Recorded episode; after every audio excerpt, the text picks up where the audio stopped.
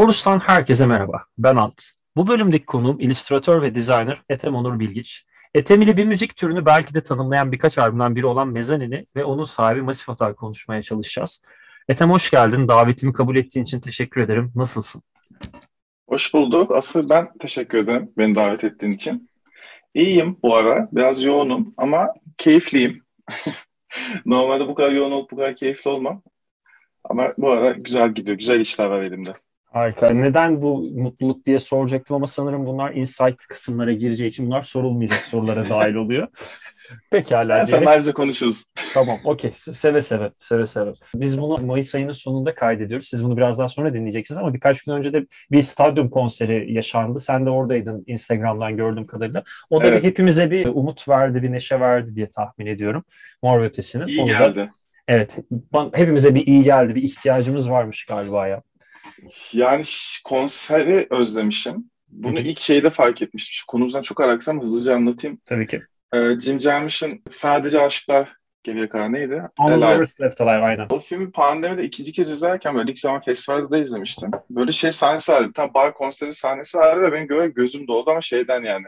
Abi ne güzel konsere gidiyorduk ve şu an evde yalnız başıma bu ne ya falan diye.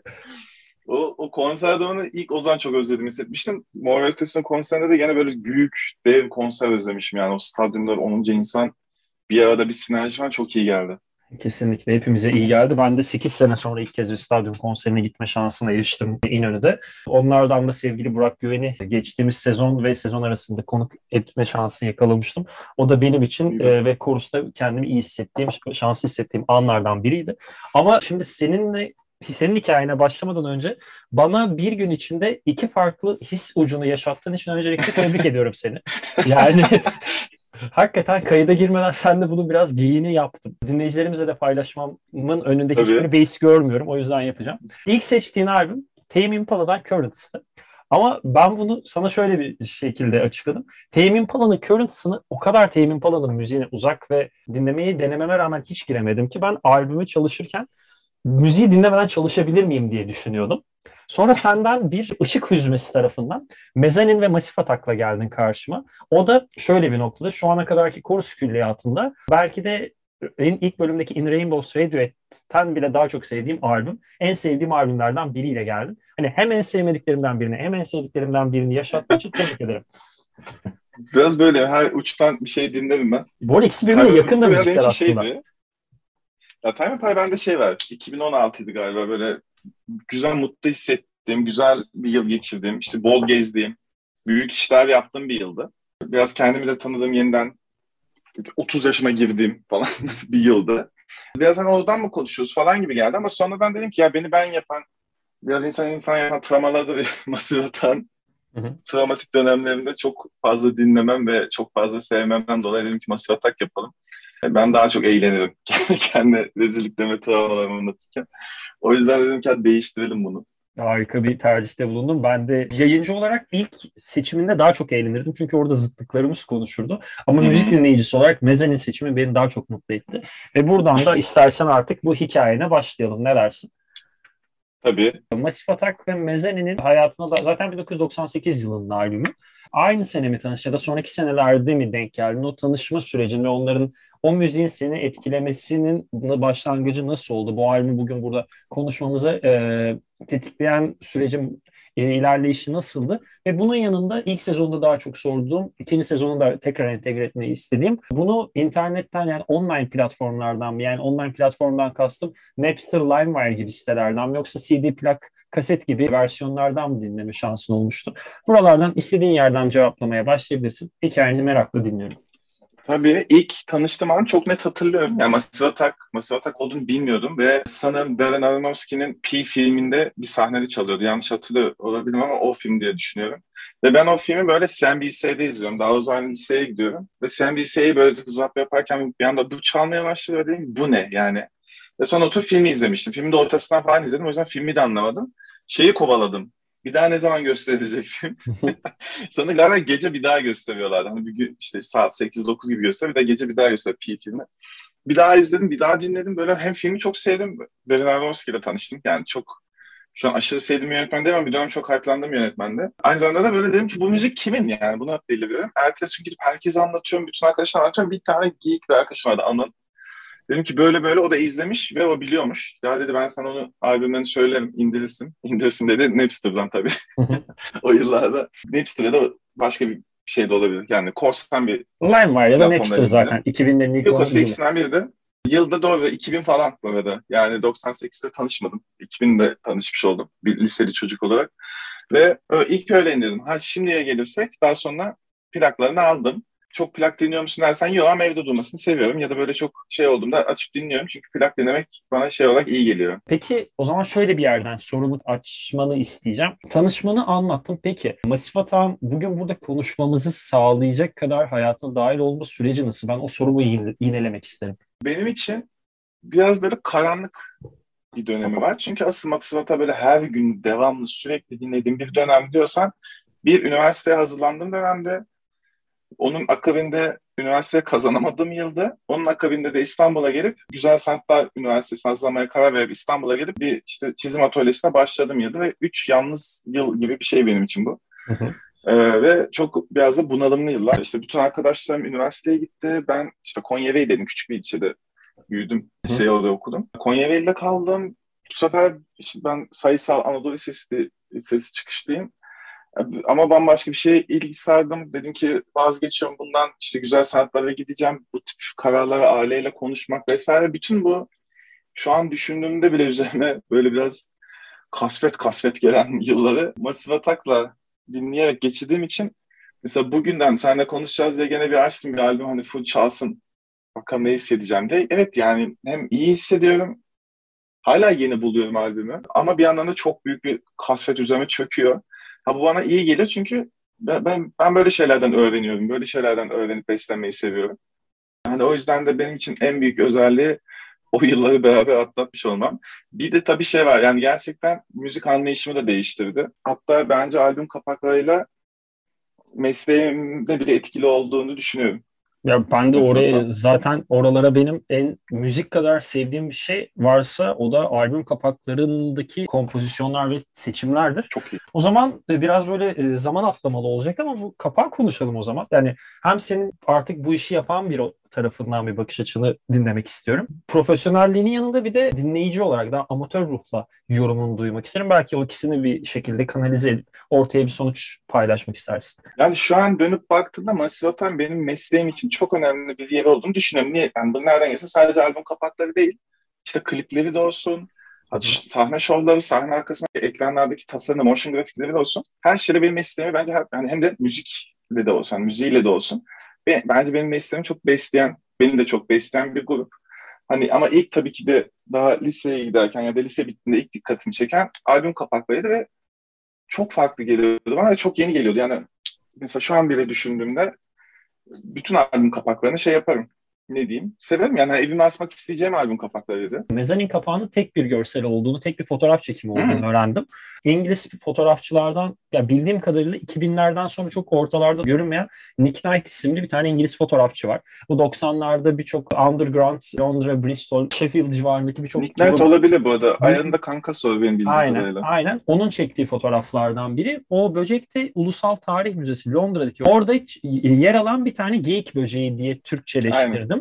Ee, ismi belki daha farklı olabilir. Bir ge- geyik böceğini bildiğin çektiği fotoğraf. Ama bunu Robert Del ile birlikte mi kararını veriyorlar onu çekmesini yoksa kendi çekiyor o ona gidiyor bunu mu kullanalım diyor.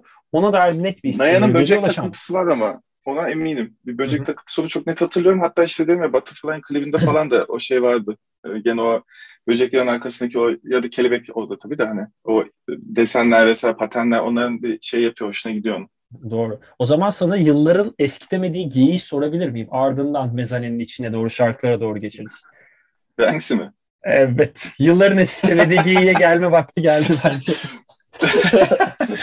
Bunun üzerine çok bir şey yani keşke şöyle, bilsem ve desem evet abi falan. Abi şöyle bir yani bunu artık dinleyicilerle de senle de paylaşacağım artık çok geç de bundan bir 3-4 sene önce bir o zaman daha Euro insan çocuğu boyutlarındayken İtalya'da Cenova'ya gitme şansım olmuş. Orada o dönem böyle Banksy'nin bütün Avrupa'yı gezen sergilerinden biri vardı. Ve o dönemlerde işte 4-5 sene önce ilk kez bu Banksy, Robert Del Naya'yı mı vesaire o muhabbeti duydum. Bütün sergiyi Masif Atak ve hatta Mezanin dinleyerek gezmiştim. Benim de aklımda albüm dinlerken o gün geldi bu şaka, bu soruyu sormayı özellikle bekliyordum. Teşekkür ederim pas atmama olanak sağladığın için. ya bence hani Banksy bir proje gibi geliyor. Proje dediğim bir grup gibi geliyor. Ya bu tamamen kişisel görüşme, tamamen kişisel ne diyeyim görsel keyfi mi ne, zevki mi ne artık hani oradan deneyimi mi ne bence bir şey ve bir tanesi de Naya olabilir çünkü evet tarzı da çok benziyor. To- çok tutarlı. Kompozisyonlar da çok tutarlı. Bir de şey giyi var ya işte Massive Attack konserinden önce o şehirde bir Banksy çıkar ortaya diye. Kesinlikle. Yani böyle şeylerden önce Güzel bir yazı bizim Band dergisinde vardı sanki yanlış hatırlamıyorsam. Öncelikle şöyle bir yerden yaklaşmak istiyorum. Darren Aronofsky'nin Pi filmi üzerinde aslında Masif Atak'la tanıştığını söyledin. Hı hı. Bunu 2000 yılında söylüyorsun. 2000'den bir sene önce de çıkan ya da belki bütün sinema tarihini kır, kıran hani gerçekten kırıp geçen Matrix'te de Massive Attack var aslında. Dissolved Girl. Ama Dissolved Girl'ü orada tam duymuyoruz. Çünkü Neo'nun filmin başlarında da o Follow the White Rabbit sahnesinden Önce telefonu Şeyde... çaldığında o bir melodi var belki hatırlarsın. O Dissolved var. Ha, filmi de filmi de, tekrar, filmi de çalışırken filmi de izledim başına en azından. Orada aa evet ya diye ben de onu teyit ederek bu bilgiyi paylaşabilirim. Benim ben orada çok da severim ha hiç şey olmamış. Ya işte sen hiç birleştirememişim. Hatta şöyle söyleyeyim sen dedin ya bir film girişi yaptın dedim ha tamam Matrix Trivia'mı Ethem kullanıyor diyecektim. P'ye geçmeli oldu aslında. Başka bir bilgi vermiş oldum. Yok, ha, Sonra zaten Snatch'te de vardı sanırım. Snatch'te de hatırlıyorum bir Angel. Angel birçok filmde vardı ya. Şimdi evet Angel, çok filmde var doğru. Angel o zaman şöyle sorayım ben e, sinema tarafından şöyle bir e, paralellik kurmaya çalışmıştım. Senin bu albümde üzerine özellikle konuşmak istediğin şarkı ya da şarkılar nelerdir? Onlara doğru belki hem hikayenle belki birleşirsin hem bir dinleyici olarak veya bir müziksever olarak yorumlarınla bir belki bir diyaloğa döndürebiliriz. Öyle bahsetmek istediğin şarkılar varsa üstüne konuşmak isterim. E, tabii yani en başında tabii ki de Angel. Yani tabii ki bence hani devrim gibi ya yani böyle gerçekten bir grup oturup biz bir şeyler yapacağız, kendi sözümüzü söyleyeceğiz diyorsa ya da bir sanatçı, şarkıcı, işte çizer de olabilir. Ya böyle bir eser çıkması lazım. Ya bu hani diyorum ya evet bir sürü popüler kültürde, sinemada falan kullanıldı, belki de sömürüldü ama hani boşuna da kullanılmadı. Hani gerçekten benim için yeni bir şey, söz diyor. Yani yeni bir duruş da denir mi bilmiyorum. Yani ben bana çok yeni geliyordu ve hala dinlediğimde de etkilenirim yani. Angel'ın şöyle bir tarafı var bana sorarsan. Hani sen şöyle bir yerden bahsetmiştin o. Bu grubun ve mezaninle daha yakın olduğunu senin söyleminle daha kendini yalnız hissettiğin daha karanlık 3 senendi. Ee, daha karanlık bir yerden e, bu albümü tanımlarken benim şöyle bir iddiam var. Bu albümün en karanlık noktalarından biri belki en klostrofobik noktalarından biri de Angel'ın varlığı olabilir. Belki Inertia Creeps'le beraber. Inertia Crips bir yandan da böyle hafif Türkiye'den zaten esintili bir oynak da bir hali var da. Inertia Crips inanılmaz iyi bir şarkı değil mi ya? Ve gerçekten İnanıl, tırnak içinde oryantalist zaten şarkı başlangıcı Türkiye. da var. Şarkı Türkiye'den zaten. Ya bildiğin Türkiye'den esinlenerek çıkarıyorlar. Hatta onun da Aa, hikayesini o zaman on, Angel övecektim. Inertia Creep söyleyeyim sonra Angel'a. Şey vardı ya bir, bir, bir, bir YouTube'da tabii seri vardı ya e, amansız övücüler mi? Tam ona yakın bir yere doğru gidiyoruz biz. Abi çok iyi yere doğru. Neyse. Inertia Crips'in de şöyle bir hikayesi var. Yanlış bilmiyorsam Robert Derna'ya 97 ya da 96'da bu İzmir, Çeşme, Aydın, Kuşadası o civarlara bir tatile geliyor. Ve tatile geldi işte grupta tam bu mezanin kayıtları dönemi ama böyle birbirlerine girmişler zaten. Hatırlarsın grupta ondan sonra Andrew Voss gruptan ayrılıyor vesaire. Dağıldılar. Hatta Mushroom, küçük. Mushroom hatta başlamış. bilinen ismiyle. Tam o böyle ayrılma noktalarına yaklaştığında bu kaçıyor ve Türkiye'ye geliyor işte takılmaya, bildiğin iç içmeye vesaire. Orada işte İzmir'de olduğu yani şöyle Ege kıyısında bir sahil, Ege, Ege kıyısındaki büyük bir şehrin sahil kasabasında bulduğu gibi bir çeviri var. İzmir olduğunu tahmin ediyorum o yüzden. Oradaki bir müzik markette bildiğin İbrahim Tatlıses'ten hallice müzik kasetlerini, CD'lerini toplayıp onları dinliyor düzenli olarak ve onlardan etkilenerek ben bunları birleştirip bir şekilde kendi müziğime şöyle bir yerden bağlarım diye o Inertia Crips'in o oynak ve aynı zamanda inanılmaz... Oryantalist. Gerçek bir oryantalist. oryantalist yani kelime anlamıyla tam karşısı. Tabii kelime anlamıyla oryantalist ve aynı zamanda o karanlık bir tarafı var. Belki albümün en karanlık noktalarından biri. Bence çok iyi bir hikaye ve çok iyi bir şarkı. Bir şey değil Benim mi? bu albümde ben... en sevdiğim iki şarkıdan biridir. Inertia Creeps. Benim de ikinci derim. Bak, ilk şey dinlediğimde bak gene alakası ama beyin çağrışım yapar ya bu hiçbir bilgi değil ama şey olarak söyleyeceğim, his olarak söyleyeceğim. Mesela ilk hani şu an dinlemekten keyif aldım. Çok az hip hopçı, rapçi diyeyim var ve bir tanesi Ezel hani zaten Benim ortada de. işte de. Ve hani Ezel'in ilk 2015 ya da 2016'da dinlediğimde Furkan Luka bir gün dinletmişti. Böyle bir İzmir'den dönerken gene Dikili'den dönüyorduk arabayla ve dedi ki gel bak sana yeni bir şey dinleteyim diye dinletmişti ve ben böyle bir şeymiş. Ya bunda bir tat var ama bu, hani, bu çocuğun sözlerinde bir şey var, bir şey var deyip sonra dedim, aa Enişin Creeps abi bana bunu hissettiriyor demiştim. Doğru. Bak hiçbir bağ yok yani şöyle böyle olmasın hani ay bu buradan almış bana bir gönderme yapıyor falan demiyorum. Sadece hissiyat anlamında inanılmaz bana öyle bir vibe vermişti. Ve çok ondan sonra daha da hoşuma gitmişti. Bir gün Sercan'la karşılaşırsak sorarım bu soruyu. O zaman e, şey demiştin ya arada hani bu bundan esinlenmiştir gibi bir yerden töhmet altında bırakmak istemiyorum gibi bir şey demiştin. Yok öyle. Yok yok ben başka bir yere bağlayacağım. Masif Atak bayağı esinlenmenin ka- kelime karşı olarak içinden geçmiş. Ve bayağı telife takılmış ve 100 bin sterline patlamış onlara bu telif. Benim albümdeki en sevdiğim şarkı da bir de o yüzden bunun adını geçirmek istiyorum. Benim albümdeki en sevdiğim şarkı Black Milk ve ilk dinlediğim Massive Attack şarkısı olabilir. Ya Teardrop ya da Black Milk hala tam hatırlamıyorum. Black Milk'te de şöyle bir şey var. Manfred Mann's Earth Band diye bir grup var 70'lerde. Onların Tribute diye bir şarkısı var. Yani yayından sonra belki dinlemek istersen atarım sana da. Onun ortasında bir sample var. Black Milk'in temel bütün şarkıyı götüren sample aynı sample. Ve bunun üzerine işte Manfred Mann gruba bir e, telif davası açıyor ve Massive Attack ilk önce şarkının ismini değiştirmeye çalışıyor ama albüm satışa çıktığı için değiştiremiyor da falan. Bu onlara 100 bin sterline patlıyor ve yanlış bilmiyorsam tam da bunu teyit edemedim. Hani bir tane kaynaktan bunu bulabildim. 2009 mu 2010'a kadar mı hiçbir konserlerinde Black Milk'te çalamamışlar bu sebepten dolayı. Ha. Öyle garip bir durum var. Bu da bir bilgi yani, olarak. Esinlenme beslenmeyi ben normal olduğunu karşılıyorum. Tabii ki de birebir bir şey alıp birebir ben yaptım demedikten sonra Kesinlikle. Bunu bir her... de en çok maruz kalanlardan biri de sensin şimdi. Yani o bu ben biraz neredeydim mi gerçekten seni ben ilk ben biraz neredeydim deki haklı isyanınla mesela keşfetmiştim öyle söyleyeyim. Ya o da insanlar şey anlamadı. Ben sadece benim işimi alın kullanmayın demiyorum. Benim işim üzerinden para kazanmayın diyordum ama oradan çok başka yerlere gidiyordu. Sen Kesinlikle. Hani bunu nasıl sahipleniyorsun falan filan. Yani Neyse hiç oraya girmek istemiyorum çünkü artık onunla anılmaya başlamıştım. Bu konuyu biraz kaşımamın sebebi farklıydı ama şimdi grup içindeki ayrılma noktasındaki senin dinleyici olarak bakış açını ve tarafını öğrenmek istiyorum. O yüzden buraya biraz daha değiştim.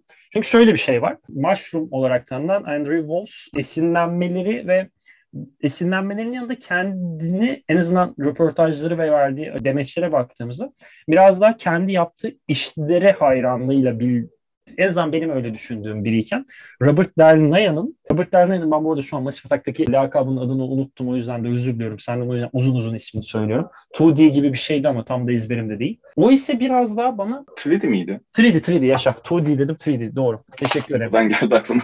Hatırlayamamıştım. Teşekkürler. O etkilendiği köklerini sürekli ortaya çıkaran ve sürekli onlara referans veren bir müzisyen. Ki zaten bu albüm normal şartlarda 1997'nin sonunda çıkacakken Robert Derna'ya çok net bir şekilde grubun stüdyosuna darbe girişiminde bulunarak albümün çıkmasını engelliyor. Ve Meze'nin ismi az daha olmayacakmış zaten. Benim yıllardır anormal derecede sevdiğim gruplardan The Wire ve Gang of Four gibi 70'ler Britanya punk'ının klasiklerinden, klasik gruplarından etkilenerek öyle bir daha punk temelli bir Masif Atak müziğine daha punk ögeleri katmak istese de Andrew Wolf'la birbirine girmeleri sonucu tam oraya da girememiş. Bu noktada kalmış o punklık. Ama albümün aslında ilk Mezzanine yerine konulacak ismi The Maged Goods'muş. Bu da Gang of Four'un en efsane ve en çok bilinen şarkısının adı eş zamanlı olarak. O yüzden biraz daha şunu merak ediyorum. Robert Dernaya'nın müzikal tavrı mı ya da grup içindeki tavrı mı yoksa Andrew Wolf'un müzikal tavrı mı, grup içindeki tavrı mı sana bir dinleyici olarak ya da bir e, insan olarak daha yakın geliyor? Onu öğrenmek isterim. Bana Naya'nın geliyor çünkü bir yandan da ya bilmiyorum bak buna tam emin değilim abi. Tas, daha tasarım tasarım. Yani işine bence daha tasarım olarak yaklaşıyor. Hani Aynen. burada şey farkı vardı ben çok basit nasıl anlatayım? Hani sanat gerçekten senin hiçbir şeye ne denir hesap vermemen üzerine yapılmış dışa vurumundur. Ama tasarım tabii ki de orada da bir dışa vurum var ama tasarım hesap vermek üzerinedir ya da belli şeyleri gerçekten datayı alıp doğru biçimde birleştirip, değiştirip, kendine özel hale getirip yeniden sunmandır. Hani Nayan Hoca'dan esinlenmeleri ya da işte bir şeylerden etkilenmeleri ve bunu işine yansıtması bana daha şey geliyor, daha yaratıcı geliyor ve daha doğru yerlere gidiyor ki grup da değişiyor. Yani Mısır Tan işte 20 sene önce yaptığı şarkılarla şimdiki şarkılar da farklı ve ama hep bir kalitenin üzerinde ve bu normal zaten hani kimse 20 sene önceki insan da değil. Gruptaki insanlar da artık o insan değil ve onun değişmesi de bence iyi. Ben onu daha sağlıklı buluyorum. O da o belli kaliteyi korumak önemli kendi istediğinin dışına çıkıldığında profesyonelliğinin ufak da olsa dışına çıkan bir tavrı da varmış gibi. En azından Demetçeli ve röportajlarında öyle bir hava uyandırdı bende. Onu paylaşmak istedim. Kavga iyidir. Kavga iyidir bu arada. O kavga iyidir. Onda kesinlikle aynı noktadayım ama o kavga ya grup albüm çıktıktan bir sene sonra grubu dağıtma noktasına getiriyorsa o kavga ortaya inanılmaz bir iş çıkmasını sağlıyor ama bunun devamlılığının gelmemesi de bir noktada ne, nereye kadar iyi diye bende bir düşünce oluşturuyor. Bilmem katılır mısın? Devamlılığı geliyor işte değişerek geliyor. Herkes bu sefer kendi işlerini yapıyor. Yeniden başka gruplar oluşturuyor. Yine iki insanlarla çalışmaya başlıyor. Bence bu güzel bir süreç yaratacak için. Güzel. Evet karşıt. Yani evet, bir de tarihte kavga etmeyen grup var mı? İyi grupların hepsini ben kavga ettiğini biliyorum. Kardeş kardeşe düşüyor yani orada. Teardrop'a dair bir şeyler söylemek ister misin? Hani bilmem sever misin? Benim evet. en sevdiğim şarkılardan biri olduğu için bir adını 3'e 4'e koyarım bu albümde. Biraz da açmanı istesem peki. Ya bilmiyorum ben ilk bunu mesela şeyini hatırlıyorum, klibini hatırlıyorum ve sürekli gözümün önüne göre o kadar etkilenmiş ki o klipten de. Bir de tam o dediğin gibi şey dönemiydi. 2000 2005-2006 idi galiba benim böyle çok dinlediğim bir dönem ve işte İstanbul'da Elmadağ'da çok kötü bir evde kalıyorum. Eksi 5 falan yani. Ve her gün istiklale yürüyorum. Ve o yolun şarkısı oydu yani. Teardrop, Teardrop'tu. Ve hani hala o şeyi hatırlarım böyle kafamı böyle gözümü kapatıp işte Gezi Parkı'nın yanından geçerken kafa sallaya sallaya yürümemi. Yani benim için o, o yıllar yani. Yani onun dışında hani hissettirdiği tabii ki de bir sürü şey var. Hani ne diyeyim böyle iyi hissettiriyor ama bir yandan da güvenli hissettiriyor bir, gibi belki. Evet yani güvenli hissettiriyor ama böyle bitter bir iyilik gibi hani biraz çok hafif bir acı tatla veriyor. Doğru. Ben o tatları da seviyorum biraz. Bana iyi geliyor yani bu. Ya zaten burada konuşmak için Mezzanini seçmenden o bitter tatlara karşı bir zaafın olduğunu anlamak çok güç değil. Elizabeth Fraser için bu albümün şöyle de bir dramatikleşen bir noktası var. Elizabeth Fraser ve Cocteau Twins tam işte Tim Buckley'nin oğlu Jeff Buckley'nin de parladığı Grace dönemlerine çok yakınlar ve çok düzenli olarak beraber görüşen vakit geçiren insanlar. Tesadüf o ki Teardrop şarkısı ve albümdeki bir diğer şarkılar şu an asla adını hatırlayamıyorum özür dilerim. 29 Mayıs 1997 kayıt günüymüş. Ve bu tarih eş zamanlı olarak Jeff Buckley'nin Tennessee'de bir gölde boğulduğu gün olarak da tarih hmm. yer alır. Ve şarkının kayıtları bittikten sonra çıktığında Jeff Buckley'nin kaybolduğu haberini aldığı da böyle bir bilgi olarak bayağı şeyde. Bu mezaninin nasıl üretildiğini, nasıl stüdyo döneminin geçtiğine dair YouTube'da yer alan bir belgeseldi. Yanlış hatırlamıyorsam Robert Del duymuştum. Öyle de bir nüans var. Kırıcı bir durum, kırıcı Acı bir gerçeklik bir olsa gerek. Gerçekten öyle. Evet. Harika. Bunu da geçmiş durumdayız. Başka düşünüyorum. Ben o zaman şöyle bir yerden sorayım. Neredeyse zaten süremizin de sonuna yaklaşırken. Albüme dair de zaten birçok noktaya geldik. İki soru soracağım. Albümü senin Tabii. için bu en sevdiğim bir şarkılardan iki ya da üçe alırım dediklerin arasından dinleyicilerimiz belki bu albümü daha önceden dinlemeye dinlemiş olmayan ya da dinleme şansı olmayanlar için bir şarkıyla başlayacak olsa komple albüme girmeye çekinen varsa hangi şarkıyla girsin? Ha, Angel dedim ya. Angel. Açılış zaten. Yine şey Clips de olabilirdi ama Angel daha hani Massive Attack dünyasını daha net gösteren bir şarkı benim için. Harika. Harika. Peki Massive Attack'ı izledin mi İstanbul'da? Ben hiç denk getiremedim misal. Bir tanesinde zaten İstanbul'da değildim. Galiba 2000 yılında mı ne gelmiş. Hı hı. Bir tanesinde öğrenciyim ve hiç param yoktu. Çok üzülerek gidememiştim. 2016, 2018 öyle kaçırdım ben. İşte ben de galiba ona gitmiştim değil mi? Zorlu Center'da olan öyle. Zorlu'da. Zorlu'daydı 2018'di ve param olmadığı için gidememiştim o konsere. Evet, ben orada yakaladım ve şey falan gözüm kararmıştı artık hani ben bunları yakalamam lazım artık neredeyse konser oraya gideyim falan olmuştum. Neyse ki geldiler ve ondan sonra zaten pandemi falan oldu. Daha kötü şeyler oldu ama evet, tatsız. neyse ki yakaladım. Yani izledim ve rahatladım. Bir, hani böyle izleyemeseydim. Tik attın hayat maddelerinden birini. Evet bir onlar bir Radiohead. Radiohead'i. Tame Impala'da öyle. İzledin mi peki Tame Impala ile Radiohead'i? İzledim. Primavera'da izledim 2016'da. Harika, harika. Dinledim ya da izledim mi dinledim mi dedim. O kadar kalabalıktı ki göremedim diyorsun. Gördüm ve inanılmaz sahne şovuydu. Ve diyordum yani Time Impala'nın konserinde bir sıkıntılar çıktı falan. Bir gitar atmalar falan oldu sinirlenip ama hmm. şeyde Radiohead böyle ayin gibiydi. Yani kaç bin kişi vardı bilmiyorum ama çok kalabalık işte. Belki hani konser kayıtlarında vardı. İnanılmaz bir kalabalıkta inanılmaz bir sahne şov vardı. Görsel şov muazzamdı. Ve ama en kötü, en garip bir şeydi yani. Böyle herkesin birbirini susturup öyle şarkıya başlamasıydı. Hiçbir konserde öyle bir şey yaşamadım. Böyle ayin gibiydi yani. Enteresan bir hissiyatı vardı. Gerçekten bu konser bilgisi beni üzdü. Yani şu an izleyemediğim için üzdü ama e, senin izlemene sevindim diyelim. Ben hiçbirini izleyemedim. Ha, izlersin. Tame Impala'yı izlemeyi merak etmiyorum. Ayrı bir konu başlığı. evet sen sevmiyor musun? Yapacak bir şey yok. Buradan Tame Impala seven dinleyicilerimizden de eleştirilere açayım. Harika. Maddelerimi neredeyse tamamladım. Arada başka bir iki şarkıya dair daha ufak trivyalar var ama çok da gerek yok üzerine değinmek gereken. O halde sorum şu konuştuklarımızdan ya da değindiklerimizden başka senin söylemek istediğin, açmak istediğin bir konu başlığı var mı? Varsa seve seve dinlemek isterim. Aksi halde de teşekkür edip programı tamamlayacağım. Şu an yok ya bahsettiklerim yani anlatmaya çalıştıklarımın dışında böyle en depresif ve en yalnız hissettiğim zamanlarda gene depresif gelebilecek bir albüm ama beni en çok destekleyen albümlerden biriydi. Dediğim gibi müzik zevkimi değiştiren bir albümdü. Hatta yani mesleğime de dokunan bir albümdü diyebilirim. Hala yani gene açıp açıp çok dinlerim yani her playlistimde vardır Massive Attack. En çok da bu albümdeki şarkılar vardır. Böyle diyebilirim. Harika. Teşekkür ederim Ethem. Hani iyi ki geldin. Bu ben kadar yoğunluğunun ederim. içinde bir şekilde buna vakit ayırman, ya çalışman çok, çok kıymetli benim için. Çok çok, çok keyifliydi. Ederim. Çok güzel şeyler öğrendim. Ben teşekkür ederim. Ben de çok güzel şeyler öğrendim senden. Mesela ben Pi'yi izlediğim halde asla fark etmemiştim. Kaydı bitirdikten sonra sana bahsettiğim o şarkıyı atacağım. Ardından da Pi'yi açıp o sahneyi bulmaya çalışacağım. Oh. Gerçekten merak ettim. Sizlere de konusu dinlediğiniz için çok teşekkür ederim. Yeni bölümlerde, yeni programlarda, yeni konuk ve albümlerle konusu devam edecek. Kendinize iyi bakın. Hoşçakalın.